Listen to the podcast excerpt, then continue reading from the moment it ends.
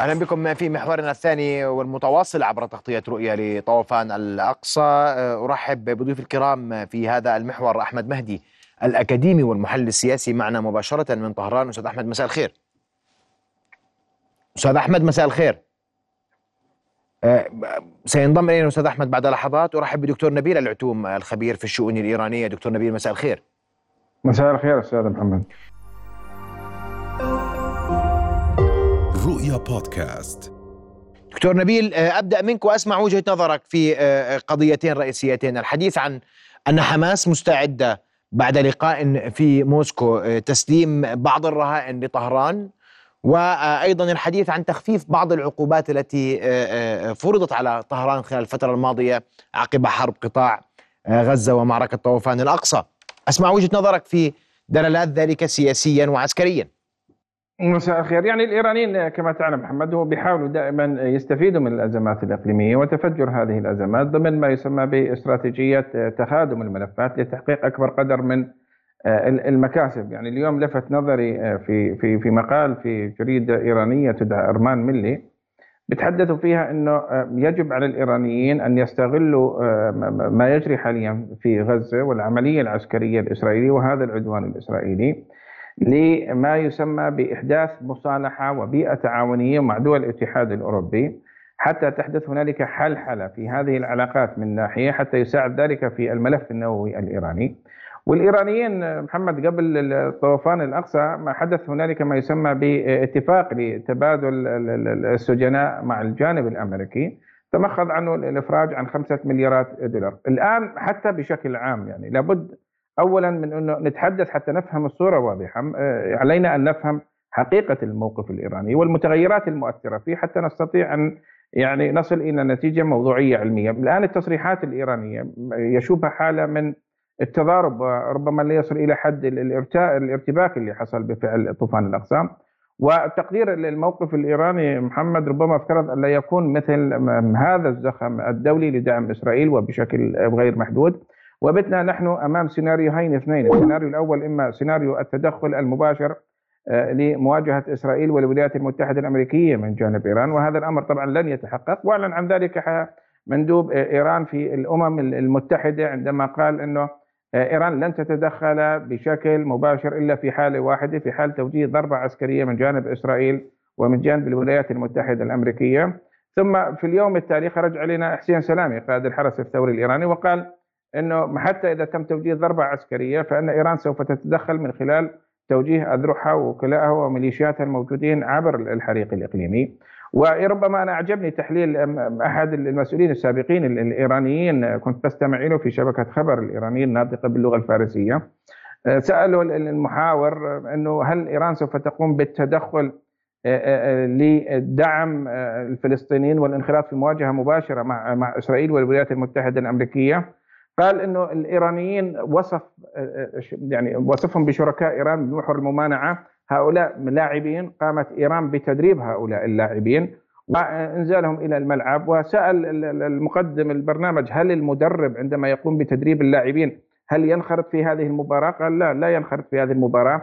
وبالتالي الإيرانيين بيشجعوا أو يتجهوا إلى السيناريو الآخر وهو ما يسمى بحروب الوكالة، حروب الوكالة طبعا هنا موضوع إيران هو موضوع معقد جدا في النظر إلى طوفان الاقصى لأنه أنت شفت الآن حزب الله اللبناني بتتدخل من خلال ما يسمى بنظرية الإشغال داخل مناطق شبعة وبما لا يتعارض مع القرار الدولي 1701 ثم سمح لبعض الميليشيات وحتى تنظيم حماس والجهاد الإسلامي وبعض التنظيمات الفلسطينية الشبحية بالدخول للقيام بعمليات.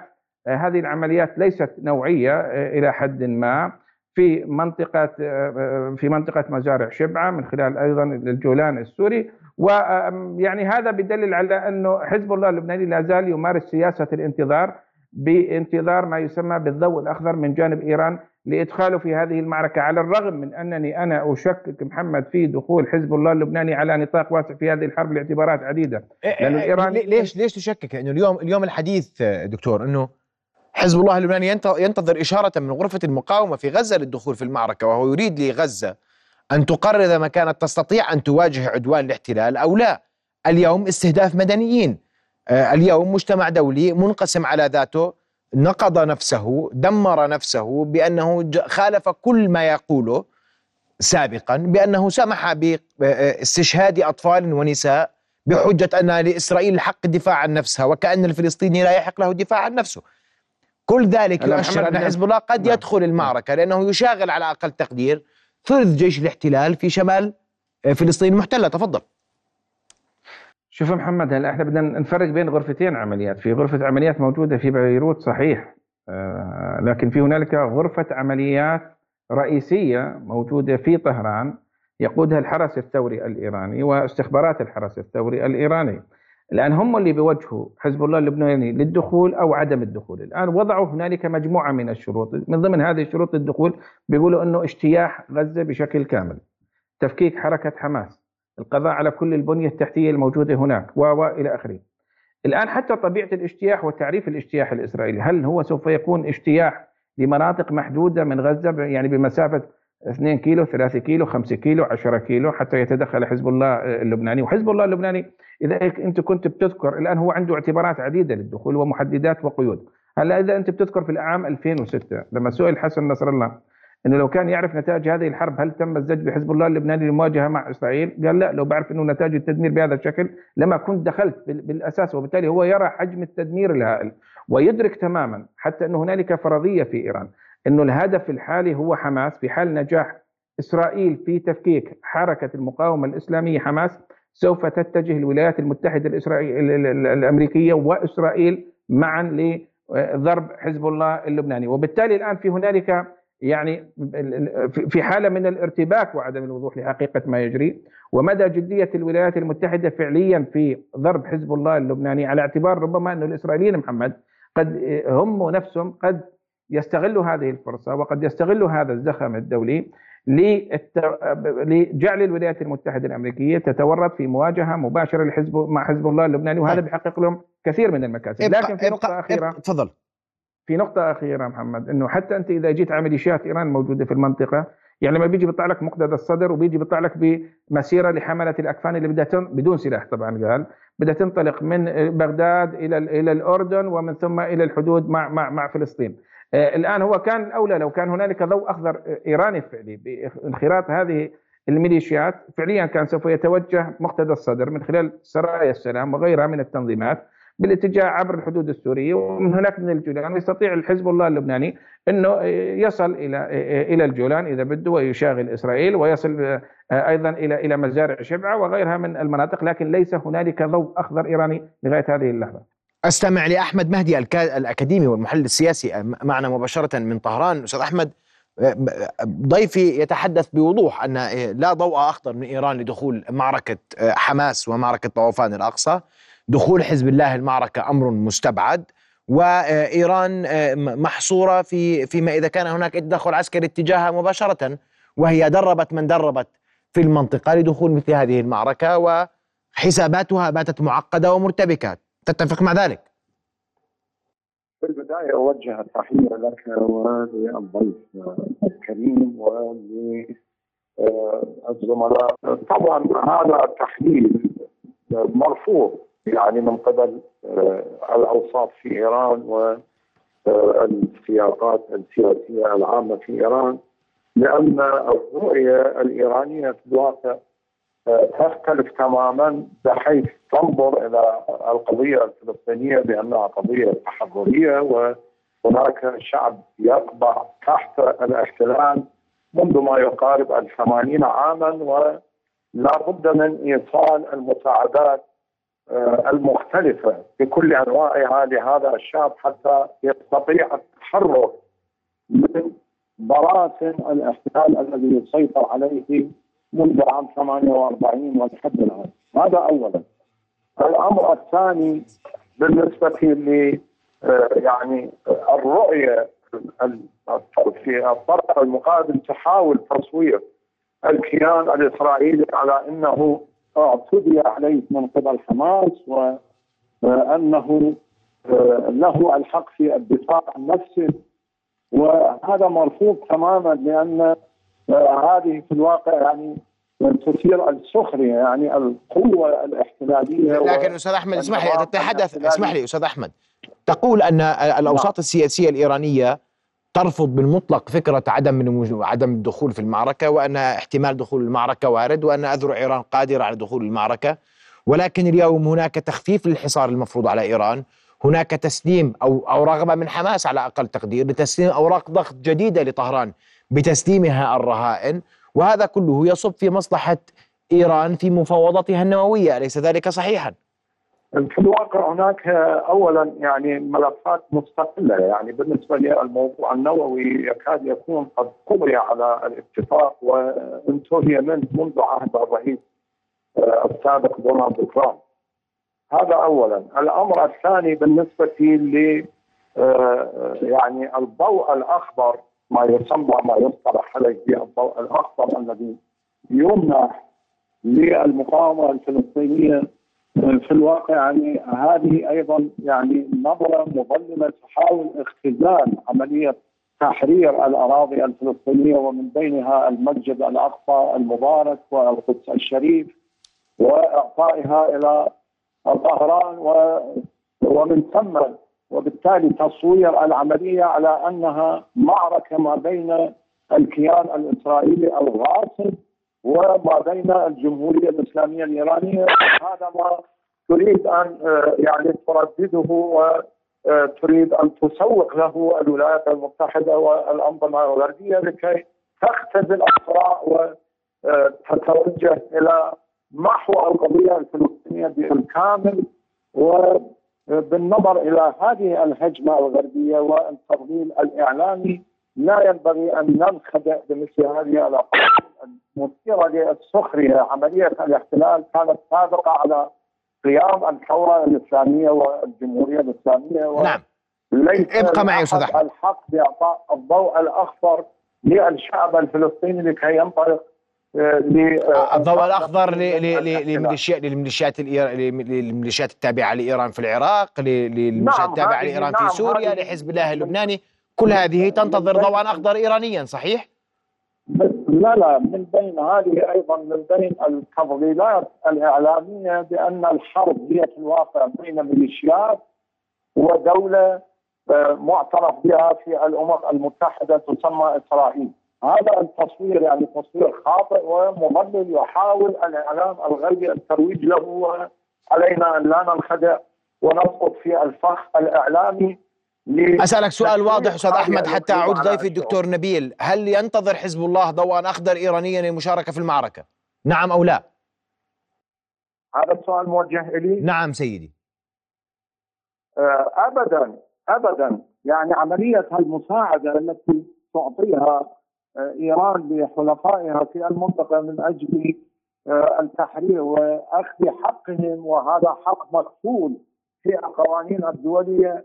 حزب الله هو حركه مقاومة وموجود على الأراضي اللبنانية ويعاني جنوب لبنان أيضا من الاحتلال الإسرائيلي. لذلك ينبغي على إيران وغير إيران مد العون والمساعدة لكل هذه الحركات المقاومة للنهوض نعم. في تحرير أراضيها طيب ابقى معي ابقى معي أستاذ أحمد. لا ليست بحاجة لضوء أخضر إيراني. دكتور نبيل. واضح أستاذ أحمد سأعود لك. لكن دكتور نبيل قبل ذلك إيران آه، والحديث عن أن إيران تمنح ضوءا أخضر لحلفائها هو أمر غير صحيح. هي تمنحهم فقط آه، السلاح والدعم الممكن لغايات تحقيق غايات التحرير كما يصف ضيفي. وأي تحليل بأن إيران تريد أن تدافع عن مصالحها فقط أو تدفع بأوراق أخرى.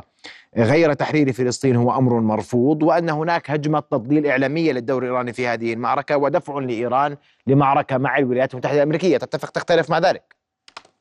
طبعا أختلف والضيف العزيز من طهران لم يجب عن سؤالك من الاصل الآن مين محمد طرح وحدة الساحات يعني هذا المفهوم مين طرحه؟ طرحه الإيرانيين. مين اللي دعا إلى اجتماع آه، سابقا في في طهران لجميع محور الممانعة وقادتها. هو كان آه، الحرس الثوري الإيراني واجتمعوا في البداية مع حسين طائب عندما كان رئيس استخبارات الحرس. ثم بعد ذلك بعد ما تم إقالة حسين طائب تم الاجتماع مع رئيس استخبارات الحرس الجديد آه، محمد كاظمي ومن ثم حتى مع المرشد ومع رئيس الجمهورية. واتفق تم الاتفاق على تحويل ما يسمى بهذه الميليشيات الموجودة عبر الحريق الإقليمي إلى أربع جيوش موازية، هذا ما طرحته إيران، فبالتالي كيف بقول لك الضيف إنه لا يوجد هنالك الضوء الأخضر ما بيجي من طهران، لا الضوء الأخضر والأحمر والبرتقالي كله بيجي من طهران. الأمر الثاني تعرف أول مادة درسناها في مادة العلوم السياسية لما كنت طالب في جامعة طهران درسونا في مادة السياسة الخارجية مادة نظرية اسمها نظرية المصدات وأنا ترجمتها إلى اللغة العربية من خلال ما يسمى بنظرية أم القرى. نظرية المصدات بالأساس بتقوم على أنه إيران هي مركز العالم الإسلامي وودعوا ما يسمى به الحروب قالوا لها باي باي اللي هي الحروب المباشرة وعملوا ما يسمى بنظرية المصدات للدفاع عن المجال الحيوي الايراني واعتبار هذه المصدات هي عبارة عن الخنادق للدفاع عن المجال الحيوي الايراني، اولى هذه مصدات العراق وهذا ما تحقق في نيسان من عام 2003 بعد أن تم إسقاط العراق ودخول إيران إليه، ثم بعد ذلك الربيع العربي استغلوه ودخلوا إلى سوريا، وبعد طبعا الخندق الأول هو العراق، الخندق الثاني هو الأقليات الشيعية، الخندق الثالث هي الجماعات المسلحة الشيعية، والخندق الرابع هي الحركات المسلحة السنية وتم إطلاق عليها ما يسمى بالمؤلفة قلوبهم أي الذين يمكن أن نؤلف قلوبهم مستقبلا للمشروع الإيراني، هاي هي نظرية المصدات هي للدفاع عن إيران، وبالتالي لما بيطلع لك أي مسؤول يعني شوف كيف ارتباك في في في في, في التصريحات الإيرانية. بيطلع لك قائد الحرس الثوري الإيراني بيقول لك إحنا راح نطلق السو... راح نطلق الصواريخ على حيفا. ثاني يوم آه، نائب قائد الحرس الثوري بيقول لك إيران إسرائيل سوف تتلقى صدمة ثانية. بعدين بيطلع لك حسين آه، أمير عبد اللهيان بيصير يقول لك والله إحنا نحذر من انفجار البرميل هذا البارود في المنطقة. تطلع لك المرشد وهو القول الفصل اللي بقول لك إحنا غير معنيين أصلا بالمواجهة وإحنا ما شجعنا لا حماس ولا كنا شركاء معهم فيما يسمى بطوفان الاقصى فبالتالي هذا الارتباك مش هو ارتباك مدروس أو ما يسمى بسياسة الغموض الإيجابي في السياسة الخارجية الإيرانية هو لاستدراج الخصم وتحقيق أكبر قدر من المكاسب، الآن إيش حققت الإيرانيين؟ وهذا على فكرة أنا بحلله من خلال يومين أنا برصد الإعلام الإيراني وبشوف إيش بيحكوا المسؤولين الإيرانيين، لما يعني بقول لك إحنا إيش حققنا من خلال طوفان الأقصى، المكاسب الاستراتيجية التي حققتها إيران، أول شيء اعاقت عملية التطبيع ما بين دول مجلس التعاون الخليجي وبالذات المملكة العربية السعودية وإيران. وهذا له كان تداعيات خطيرة. خاصة أن هذا التطبيع ليس سياسيا فقط سيكون حسب الرؤية الإيرانية بل أمنيا واستخباريا وإلى آخره. وإحنا بقول إحنا مش رح نسمح لمحطات أمنية بالاقتراب من الحدود الإيرانية وهذا راح يشكل خطر كبير على الأمن القومي الإيراني. هاي النقطة الأولى. وبالتالي إحنا بقول لك حققنا هذا الأمر. الأمر الثاني هو ما يسمى بإعادة الوزن لإيران خصوصا محمد بعد الضربات التي تلقتها إيران نتيجة لعمليات الاستهداف الإسرائيلي. يعني اغتالوا 11 عالم نووي إيراني وكان آخرهم محسن فخري زادة. اغتالوا عراب البرنامج النووي البرنامج الصاروخي الإيراني عراب برنامج الطائرات المسيرة الإيرانية وغيرها. الأمر الثالث هم بدهم يبرزوا أنه إحنا لدينا القدرة على تجييش على على وتوجيه وكلائنا الموجودين في المنطقة لإحداث فوضى إقليمية غير مسبوقة. بقول لك هاي حماس الآن قامت بهذه العملية. الآن هم قلبوا المنطقة راسا على عقب سياسة خلط الأوراق. وبالتالي إحنا لما نيجي نقعد مع الدول الفاعلة في النظام الدولي ودول الاتحاد الأوروبي وأمريكا بنقول إحنا قادرين نقلب الطاولة عليكم بأي لحظة. إذا هيك عملت حماس فما بالكم بحزب الله اللبناني. الأمر الرابع بقول لك إنه إحنا لدينا القدرة أيضا على تجييش الشعوب ضد الأنظمة وضد الحكومات عن طريق ما يحدث حاليا. يعني الآن بقول لك إحنا نفترض إنه يصير عندنا ربيع عربي جديد نتيجة رد الفعل الشعبي هذا رد الفعل الشعبي راح يكون له تداعيات كبيرة، قد تحدث هنالك انقلابات في بعض الدول العربية، وهذا اليوم قراته في وسائل الإعلام الإيرانية خصوصا الصحف المحسوبة على الحرس الثوري الإيراني واستخبارات الحرس الثوري الإيراني، فبالتالي آه، هم يستطيعوا من خلال هذه الاستراتيجية إنه يحققوا كثير من المكاسب من خلال نظرية تخادم الملفات، أي إنه كيف نستطيع أن نوظف موضوع طوفان الأقصى لتحقيق أكبر قدر من المكاسب السياسية والجيوستراتيجية والدور الوظيفي لايران، وأنا بقول للضيف من طهران يعني أنتم أطلقتوا اسم فيلق القدس وهذه فرصة تاريخية لكم إذا بدكم تودوا هذا الفيلق للقتال لمواجهة إسرائيل، هذه فرصة تاريخية، بالأول دخلتوا العراق وقلتوا أن الطريق إلى القدس يمر عبر بغداد، بعدين دخلتوا آه، آه، سوريا والأزمة السورية وقلتوا أن الطريق إلى القدس يمر عبر دمشق وعبر حلب وحماة وحمص وإلى آخره. وساوت الميليشيات الإيرانية السبعة وذمتها، بعدين إذا قالوا الطريق إلى القدس يمر عبر الضاحية الجنوبية، بعدين قالوا الطريق إلى القدس يمر عبر صنعاء، لا الآن الطريق سالكة إلى القدس، أنا ببشركم. لأن بإمكانكم تنقلوا الجيش تبعكم فيلق القدس من إيران إلى العراق إلى سوريا إلى لبنان مباشرة، هاي الجبهة مفتوحة وتوكلوا على الله يم، عرفتوا علي كيف؟ فبالتالي يعني فيلق القدس قاتل يا محمد في كل مكان ما عدا القدس. وبالتالي هو الضيف العزيز من طهران هو قلب الأمور. إحنا ضد ضد ضد إجراءات الإسرائيلية ونقف بقوة ضد العمليات والتصعيد العسكري الإسرائيلي الطامع إلى حرق غزة وتدميرها هذا عبارة عن هولوكوست عبارة عن إبادة جماعية غير مسبوقة. وبالتالي إحنا دائما جلالة الملك في الأردن بيركز على القضية الفلسطينية وبيعتبرها هي القضية المركزية نعم وهي المحرك وراء دوامة العنف والصراع. ونقطة أخيرة محمد القضية الفلسطينيه نتيجة ضعف الدور العربي والمشروع العربي هي اللي سمحت إلى القوى الإقليمية إنها تدخل إلى هذا إلى دول المنطقة، وإحنا الآن بنعاني من الاردن على طوفان الأقصى إحنا بنتحدث عنه، إحنا يا جماعة نعاني في الأردن من قضية خطيرة جدا، ضعف الرديف العربي والإقليمي والدولي الداعم للأردن. نعم. واضح جدا. اشكرك أشكرك دكتور نبيل العتوم خبير الشؤون الإيرانية كنت معنا مباشرة من جرش. أسمع ردك أستاذ أحمد بدقيقة أرجوك على ما أورد الدكتور نبيل. وابرز ما قالوا أنا يعني لفيلق القدس اليوم الطريق والمعبر الواضح والآمن والصريح نحو القدس فلماذا لا يقاتل هناك؟ اولا ينبغي يعني التكافؤ في قضية الحوار. يعني هذه من الاصداءات الواقع مثل هكذا برامج؟ ولا ينبغي اعطاء طرف عشر دقائق واعطاء الطرف الآخر دقيقة واحدة. الرد تفضل يا سيدي رد رد بالوقت اللي بيناسبك تفضل. هذا هذا اولا الأمر تفضل. الثاني بالنسبة إلى فيلق القدس والقضايا التي ذكرها الضيف الكريم هي هذه في الواقع يعني ابداز القراءة الإسرائيلية التي تحاول التسويق إلى أن ثمه معركة قائمة ما بين دولة معترف بها دوليا في الأمم المتحدة وما بين الميليشيات تتبع دولة أخرى بعيدة في المنطقة وهذه الميليشيات تسبب المشاكل لهذه الدولة وهي دولة مظلومة ولها الحق في الدفاع عن نفسها. هذه الرؤية في الواقع هي يعني ما تريد أن تسوقه وسائل الإعلام الغربية التي تريد ذبح الشعب الفلسطيني واقتلاعه من الجذور ومن ثم رميه في البلدان الأخرى وإنهاء القضية الفلسطينية وللسير في قطار التطبيع وانهاء الوجود الفلسطيني من الاساس هذا اولا. الأمر الثاني إيران لم تخفي دعمها للقضية الفلسطينية. هي في اليوم الأول بعد انتصار الثورة الإسلامية يرى وراء هناك مسار تاريخي لدعم هذه القضية بدءا من فتح سفارة إسرائيل على عفوا سفارة فلسطين على أنقاض المكتب الإسرائيلي والسفارة غير المعلنة التي كانت في زمن الشاه موجودة في طهران وافتتاح الرئيس الفلسطيني الراحل ياسر عرفات لهذه السفارة ورفع العلم الفلسطيني آه، فوق هذا المبنى وإنزال العلم الإسرائيلي. آه، هذا الأمر الثاني، الأمر الثالث آه، أريد أن يعني أوضح هذا الأمر بسؤال ما هو البديل لو قطعت ايران كل هذه الدعم والمساعدات التسليحية والمعنوية والسياسية والمالية عن الشعب الفلسطيني وفصائل المقاومة من الذي يساعدها؟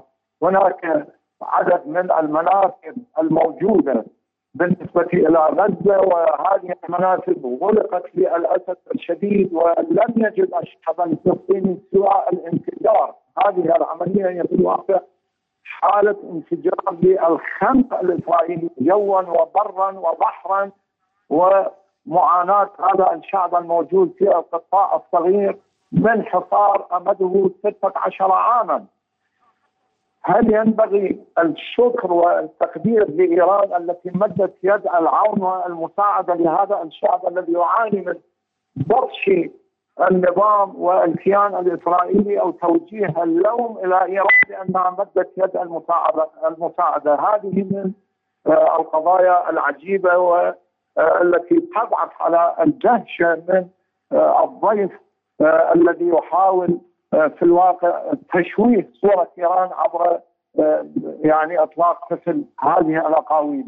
بالنسبة للحرس الثوري أنا أريد أن أوضح أن فيلق القدس هو في الواقع يعني يقدم الدعم والمشوره منذ قائد الفيلق الراحل آه، قاسم سليماني ولحد الآن وهو تأسس بتقديم الدعم لحركات المقاومه في المنطقة وليست بالضرورة هذه الحركات هي في الواقع. نعم. تابعة وتعتمر اوامر طهران هذا في الواقع يعني اساءه وتجني على هذه الحركات ومحاولة اختزالها بانها عميله إلى إيران وهذا غير صحيح. يعني هذا كما قلت أسلفت تسويق للرؤية الإيرانية. وأما النقطة الأخرى يعني ينبغي الابتعاد عن التنظير بأن المحور مفتوح وعلى خيرة القدس أن يتدخل وليتفضل ونحن ننتظر من إيران الفارسية تأتي وتتدخل لتقاتل عن بالنيابة عن الأخوة العرب يعني كما قال بنو إسرائيل اذهب أنت وربك فقاتلا أنا ها هنا قاعدون. هذا شيء يعني غير وارد وغير منطقي وغير عقلاني. ينبغي القول لإيران ضد أيديكم ونحن نضع أيدينا في أيديكم ونذهب سوية للقتال ولا أن نتفرج وأنتم تقاتلون بدلا عنا. هذا في الواقع غير مقبول وغير عقلاني ويثير يعني الدهشه والضحك والسخريه للأسف الشديد. هذا رأيك ويقدر ويحترم أستاذ أحمد مهدي وهناك خلافات في الرأي في هذا في هذا الموضوع. أشكرك مرة أخرى أستاذ أحمد مهدي الكاتب المحلل السياسي كنت معنا مباشرة من طهران. وأشكر أيضا الدكتور نبيل العتوم الخبير في الشؤون الايرانيه الذي كان معنا مباشرة من جرش. رؤيا بودكاست